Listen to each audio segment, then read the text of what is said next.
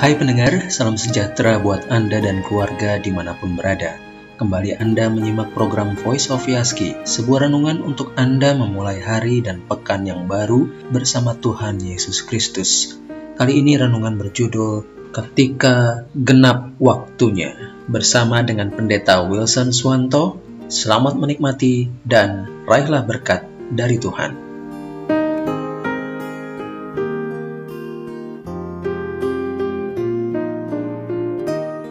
Saudara yang terkasih, Galatia 4 ayat 4 mengatakan, Tetapi setelah genap waktunya, maka Allah mengutus anaknya yang lahir dari seorang perempuan dan takluk kepada hukum Taurat. Ada dua kakak beradik, dua bersaudara yang bercita-cita mau membuka sebuah bisnis, sebuah model bisnis yang baru tahun 2019 mereka sudah siap meluncurkan, akan tetapi pandemi datang. Dan beberapa orang di sekitar mereka mengatakan, wah ini adalah sebuah timing, sebuah waktu yang sangat tidak pas untuk kamu memulai bisnis. Ketika kamu memulai bisnis itu, kamu perlu ketemu banyak orang, pergi ke sana kemari, mempromosikan akan bisnismu yang baru ini. Namun dengan lockdown, bagaimana mungkin kamu bisa melakukannya? Pada suatu sisi memang kelihatan benar omongan uh, dari seorang teman ini. Memang ini terasa seperti bad timing, terasa seperti sebuah waktu yang tidak pas. Bagaimana mungkin sebuah bisnis, sebuah usaha yang baru akan mulai tiba-tiba terhambat oleh karena lockdown, penyebaran COVID, kemudian juga keharusan vaksinasi, dan sebagainya. Seringkali di dalam hidup kita, kita menemukan situasi seperti kakak beradik ini. Yaitu apa yang kita kerjakan, tiba-tiba mendapatkan hambatan yang besar. Sehingga kita merasa bahwa waktunya tidak pas. Saudara dan saya pernah mengalami masa-masa yang disebut dengan bad timing. Sama seperti seorang yang ketika masuk ke tempat kerjanya pada masa beberapa lama setelah pandemi, kemudian mendapatkan kabar dari atasannya, e, kita tidak bisa lagi membiarkan atau menggunakan jasa pekerjaan kalian. Kalian akan bekerja sampai akhir minggu ini, setelah itu kalian akan dirumahkan itu satu kata-kata dirumahkan. Satu berita yang sangat sulit diterima oleh sebab berarti kalau dirumahkan itu tidak ada kegiatan pekerjaan dan tidak ada pemasukan. Dan saat yang sama istrinya menelpon dia berkata, kita mendapat panggilan dari guru. Kita harus bertemu dengan guru secara online karena hasil belajar anak kita tidak baik. Dan kemudian juga istrinya menambahkan, sedangkan anak kita yang bungsu memiliki gejala yang mirip dengan gejala COVID. Saudara yang terkasih bayangkan apa yang ada dalam pikiran bapak ini. Dari perusahaannya dia mendengar kabar akan dirumahkan mulai minggu depan. Dari istrinya dia mendapat kabar anak pertama mempunyai masalah dengan nilainya di sekolah. Anak kedua mempunyai masalah kesehatan ketika segala masalah itu terjadi pada saat yang sama, kita sering menyebut ini dengan istilah perfect storm. Sepertinya ini waktu yang sangat buruk, bad timing, di mana hal-hal yang buruk menghantam pada saat yang bersamaan seperti ombak yang begitu pas waktunya sehingga bisa menghancurkan kapal di lautan itu. Tetapi kita bersyukur bahwa kembali kepada firman Tuhan, hidup kita mengikuti waktu Tuhan. Jadi, meskipun kita bisa merasakan sesuatu itu terjadi, sesuatu yang tidak baik itu terjadi sebagai bad timing, kita sebagai orang percaya yang percaya pada Yesus Kristus, kita percaya akan God's timing. Kita percaya akan waktu Tuhan. Kembali kepada firman Tuhan yang kita baca tadi. Dikatakan, tetapi setelah genap waktu waktunya. Maka Allah mengutus anaknya yang lahir dari seorang perempuan dan takluk kepada hukum Taurat. Kita harus menyadari adanya perbedaan antara konsep kita tentang waktu dengan waktunya Tuhan. Kita sering menyebut sesuatu itu sebagai bad timing, waktu yang tidak pas. Tetapi ingat, dalam iman kepada Tuhan sebagai orang percaya, segala waktu Tuhan itu sempurna dan tepat pada waktunya termasuk kelahiran Yesus Kristus melalui seorang perempuan yang bernama Maria. Itu adalah rencana Tuhan yang dieksekusi dilaksanakan tepat pada waktunya. Kita ingat bagaimana ketika malaikat Gabriel memberitakan kabar sukacita ini kepada Maria. Maria syok karena Maria waktu itu berusia kira-kira 14 atau 15 tahun. Artinya dia masih banyak kegiatan, banyak impian, banyak harapan, banyak rencana mungkin. Tiba-tiba datang interupsi dari Tuhan melalui malaikat Gabriel dan mengatakan Maria akan segera mengandung, yaitu bayi yang dalam kandungannya oleh roh kudus itu adalah juru selamat dunia. Hendaknya diberikan nama Yesus, yang berarti juga dia menyelamatkan umatnya dari dosa. Dan dia juga disebut Immanuel. Bayangkan syoknya Maria. Sebagai manusia, Maria pasti merasa ini bad timing. Ini waktu yang tidak pas, waktu yang tidak baik oleh sebab saya masih muda. Itu sebabnya Maria bertanya di dalam Lukas 1 ayat 34. Kata Maria kepada malaikat itu, bagaimana hal itu mungkin terjadi karena aku belum bersuami. Saya tidak siap. Waktunya tidak pas. Maria merasakan ini sebagai suatu interupsi yang sangat tidak baik dan tidak pas waktunya. Tetapi kita melihat Galatia mengatakan pada waktunya, ketika genap waktunya, ketika pas waktunya, ketika sampai waktunya Tuhan, maka Tuhan mengutus anaknya lahir dari seorang perempuan. Ada perbedaan konsep waktu antara Tuhan yang mengeksekusi rencananya ini dengan Maria yang menerima kabar bahwa dia akan mengandung Yesus. Tetapi satu hal, waktu Tuhan selalu sempurna. Kita bukan mau memaksakan waktu Tuhan ke dalam konsep konsep waktu kita yang sangat terbatas. Kita mau justru memahami waktu Tuhan dan betapa sempurna dan indahnya waktu Tuhan. Meskipun pada saat tertentu kita sering merasa ini bad timing. Demikian pula bagi Yusuf, bukan hanya bagi Maria, juga bagi Yusuf. Ketika Yusuf mendengar kabar bahwa Maria sudah mengandung, maka dia ingin menceraikan Maria dengan diam-diam. Dia pun tidak bisa terima. Dia merasa ini adalah sesuatu yang tidak pas, tidak pantas, dan ini adalah sesuatu yang memalukan. Meskipun dia seorang yang baik hati, sehingga dia mau menceraikan Maria itu dengan diam-diam. Tetapi sekali lagi, malaikat Tuhan menjelaskan kepada Yusuf, "Jangan, jangan diceraikan Maria. Jangan menceraikan Maria. Oleh sebab anak yang di dalam kandungan Maria itu dari Roh Kudus, yaitu Yesus Kristus. Itu sebabnya Yusuf seorang yang taat pada Tuhan, takut akan Tuhan, dia membatalkan rencananya itu. Tapi tentu pada waktu Yusuf mengetahui rencana Tuhan, waktu Tuhan ini ketika dia Tuhan mengutus anaknya dikandung oleh seorang perempuan dan akan dilahirkan nanti, Yusuf pun merasa waktunya tidak pas. Ini bad timing.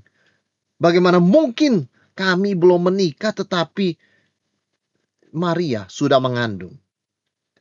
Intinya, ada perbedaan antara waktu Tuhan dan konsep kita tentang waktu.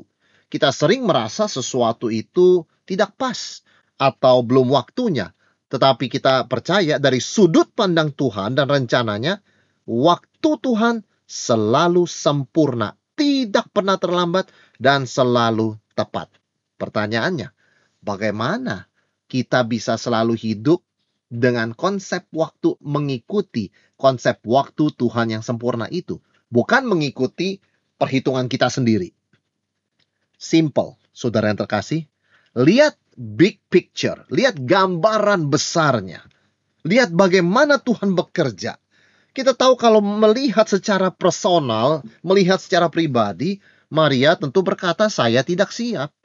Demikian pula Yusuf melihat secara jarak dekat, melihat secara pribadi sangat tidak nyaman. Bagaimana mungkin menikah dengan Maria yang sudah mengandung? Tetapi malaikat Tuhan melalui malaikat membukakan. Lihat gambaran besarnya. Ini rencana Tuhan yang sudah dinubuatkan oleh para nabi selama ratusan tahun. Dan inilah momen penggenapannya dan Maria ditunjuk. Dipilih oleh Tuhan menjadi ibu untuk melahirkan juru selamat dunia.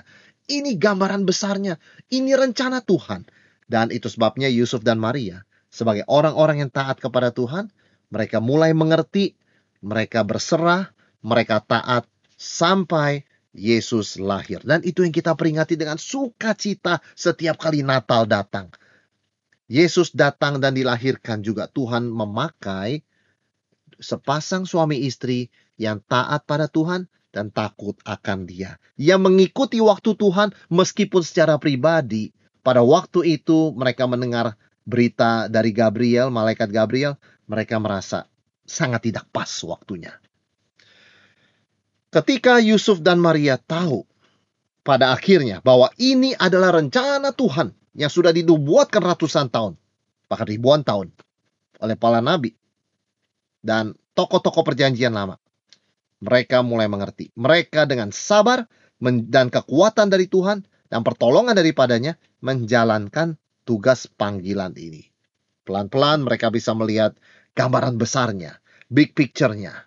Dan saat itu Tuhan juga selalu menjaga, memimpin, melindungi. Waktu itu tiba-tiba ada sensus yang diperintahkan oleh Kaisar Agustus. Sehingga Yusuf dan Maria harus kembali ke Bethlehem, meninggalkan Nazaret.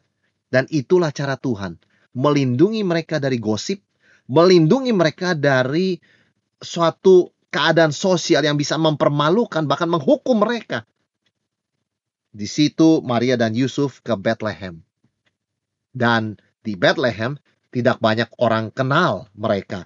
Sehingga ketika Yesus lahir, tidak ada tempat baginya di penginapan.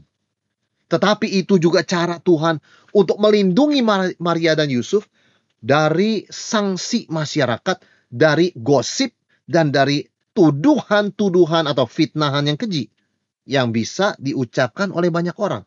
Kalau mereka tahu apa yang terjadi, bahwa Maria sudah mengandung, padahal Maria dan Yusuf belum menikah. Dan Tuhan berintervensi, Tuhan selalu menjaga, Tuhan melindungi, itu sebabnya kita perlu melihat kepada gambaran yang besar. Bukan sekedar kepada perasaan kita saat itu. Ketika Tuhan memanggil kita melayani, menolong sesama, membantu pelayanan di gereja, mungkin kita merasa waktunya tidak pas, Pak Pendeta. Waktunya tidak pas, saudara. Saya ini masih banyak kesibukan ini dan itu. Sebelum kita cepat-cepat menjawab waktunya tidak pas, atau itu bad timing, baiklah kita berdiam diri, baiklah kita berdoa. Betul-betul tanya kepada Tuhan, apakah yang ini apakah yang Tuhan mau kita kerjakan. Kalau memang kita bisa mengerjakan, dan kalau memang hanya kita yang dipercayakan hal itu, dan memang ada kebutuhan, dan masih ada waktu yang Tuhan berikan kepada kita, maka jalankan. Meskipun ini terasa seperti bad timing.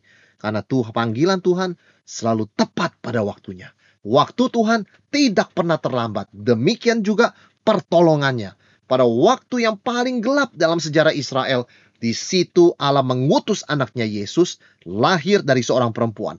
Yesus lahir di dalam masa kegelapan rohani. 400 tahun orang Israel tidak pernah mendapatkan nabi, tidak pernah mendengar firman Tuhan, tidak mendapatkan penglihatan, tidak ada signal apa pun dari Tuhan kepada manusia, kepada orang Israel selama 400 tahun. Sangat gelap. Tuhan tidak bicara, Tuhan itu diam. Tetapi tiba-tiba melalui kelahiran Yesus. Tuhan bicara. Terang itu bersinar di tengah kegelapan. Dan kegelapan berhasil dikalahkan. Dan itulah waktu Tuhan. Yang sempurna tidak pernah terlambat. Ketika kita merasa apa yang terjadi sepertinya bad timing, minta kepada Tuhan dalam doa. Tuhan, bukakan mata saya untuk boleh melihat gambaran yang besarnya, big picture, apa yang Tuhan sedang kerjakan di tengah-tengah saya di dalam dunia ini. Yusuf adalah seorang yang diperlakukan tidak adil. Karena saudara-saudaranya iri hati kepada dia, dia dijual sebagai budak ke Mesir. Dalam perjalanannya dia difitnah oleh istri majikannya sampai dia dijebloskan ke dalam penjara. Namun Tuhan menolong Yusuf dan mendudukkan dia di posisi yang sangat tinggi, dia menjadi orang kepercayaan Firaun. Dan ketika Yusuf kembali bertemu dengan saudara-saudaranya dalam posisi sudah berkuasa, apa yang Yusuf katakan? Kalian memang dulunya merencanakan yang jahat untuk aku. Sampai aku dijual jadi budak. Tetapi Tuhan merencanakan yang terbaik. Sehingga saya bisa duduk di takhta Mesir ini sebagai orang kedua di Mesir. Untuk menyelamatkan keluarga kita dan juga bangsa Israel. Arti Yusuf melihat gambaran yang besar, rencana Tuhan, pekerjaan Tuhan, bukan sekedar perasaannya pada waktu itu. Karena kalau dia hanya melihat gambaran kecil, perasaannya, dia akan dendam. Dia akan sakit hati. Dia akan mengalami kepahitan karena kenapa kalian menjual saya jadi budak? Kenapa aku sampai hilang begitu banyak tahun? Begitu banyak waktu tidak sempat menikmati waktu bersama papa dan keluarga besar. Tapi Yusuf tidak membiarkan dirinya di dalam sudut pandang yang sempit seperti itu sampai dia menjadi pahit dan tidak bisa mengampuni, hidup dalam kebencian, kemarahan, penyesalan tidak. Yusuf melihat kepada gambarannya besar bagaimana Tuhan sedang bekerja bahkan di dalam situasi yang disebut dengan bad timing sekalipun. Ternyata Tuhan tidak pernah terlambat. Ketika kelaparan datang, di situ Yusuf sudah menjadi orang kedua di Mesir. Dia bisa menolong saudara-saudaranya, menolong ayahnya, memberikan tempat tinggal dan makanan yang lebih dari cukup. Sampai bangsa Israel bisa berkembang menjadi bangsa yang besar. Bahkan di tanah Mesir. Inilah kuncinya. Bagaimana kita bisa mengikuti waktu Tuhan. Karena Tuhan tidak pernah terlambat. Yesus lahir tepat pada waktunya Yesus mati tepat pada waktunya ketika kita masih berdosa. Yesus bangkit tepat pada waktunya seperti yang dikatakan Tuhan pada hari yang ketiga dia akan bangkit. Yesus naik ke surga tepat pada waktunya dan nanti dia akan datang kedua kali kembali untuk mengangkat kita semua orang percaya untuk bersama dia di Yerusalem, langit bumi yang baru selamanya juga tepat pada waktunya. Bagi kita di dalam Natal ini mari kita ingat ketika genap waktunya Allah mengutus anaknya lahir dari seorang perempuan. Biarlah kita boleh mengikuti jejak Tuhan, waktu Tuhan, dan belajar melihat apa yang Tuhan sedang kerjakan di tengah kita. Satu gambaran yang besar ini. Bukan sekedar berfokus kepada perasaan kita bahwa waktu ini tidak pas atau belum waktunya atau bad timing. Karena Tuhan sedang bekerja. Tuhan tidak pernah tidur. Dia selalu menjaga, memimpin, menuntun, dan akan memakai kita untuk kemuliaan namanya menjadi berkat buat sesama kita mengabarkan kasih Tuhan yang begitu besar. Demikian tadi Voice of Yaski dengan judul Ketika Genap Waktunya bersama dengan Pendeta Wilson Swanto. Program ini dapat Anda simak kembali melalui podcast Yaski di Spotify Voice of Yaski atau juga di podcast.yaski.co.id. Anda dapat mendengarkan kembali, membagikan, bahkan mengunduh episode-episode Voice of Yaski sebelumnya. Bila Anda ada pertanyaan atau kesaksian seputar renungan kita kali ini, silakan berkirim pesan melalui WhatsApp atau SMS ke 081287847210. Selamat beraktivitas dan salam sehat selalu.